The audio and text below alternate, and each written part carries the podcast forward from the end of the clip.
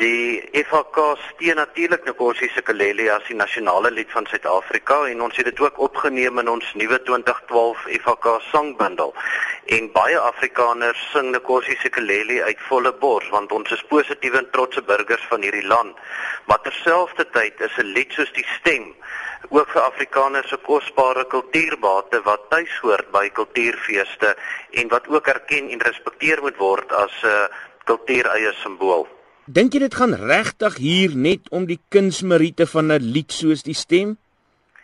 Natuurlik het 'n lied soos die stem wat vir baie lank die volkslied van Suid-Afrika was, uh bepaalde emosionele waarde, maar dan moet mens ook gaan kyk na die geskiedenis van die stem. Die stem het eintlik baie min met apartheid te maak, maar baie meer met die ontwikkeling van Afrikaans as taal en natuurlik ook die versoening tussen Afrikaanssprekendes en Engelssprekendes in die 30er jare toe daar 'n geweldige botsing was tussen Britse imperialiste en Afrikaner nasionaliste en dit was dit bedoel om twee taalgroepe saam te bind aan eh, die land Suid-Afrika. En en na 1994 het die stem natuurlik weer hierdie versoenende rol gespeel toe dit opgeneem is as deel van die nasionale lied. Jy het nou gesê dat dit gegaan het oor versoening tussen Engels en Afrikaans. Eh, wat sou 'n mens dan nou maak met die tyd tussenin toe ander taalgroepe glad nie deel aan hierdie versoening gehad het nie? Nasionale simbole kan verdeel of sou nasionale simbole kan saambind.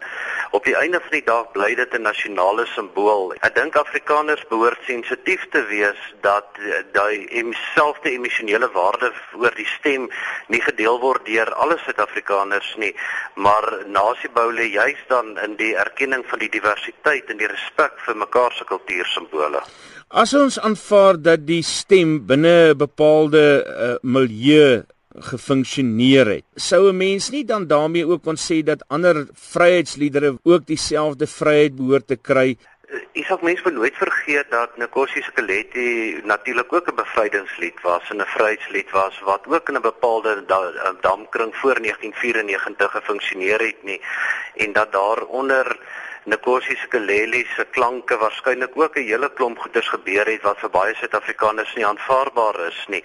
Die versoening van 1994 lê dan juis daarin dat twee liedere bymekaar kon kom om eintlik gestalte te gee aan 'n uh, Suid-Afrika identiteit waar groepe met mekaar kan hande vat en mekaar kan respekteer, ook ook die verskillende kante van die geskiedenis.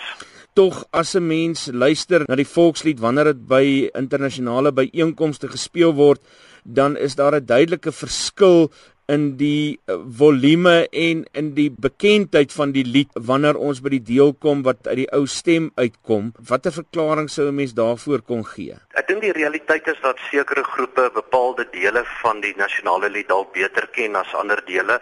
Ek dink wel die plig van positiewe landsburgers is om die nasionale lied te leer ken en dit saam te sing al die dele daarvan sou dieselfde goedkeuring van die stem ook geld wanneer mense dit op 'n moedswillige politieke uitbuitery wil gebruik?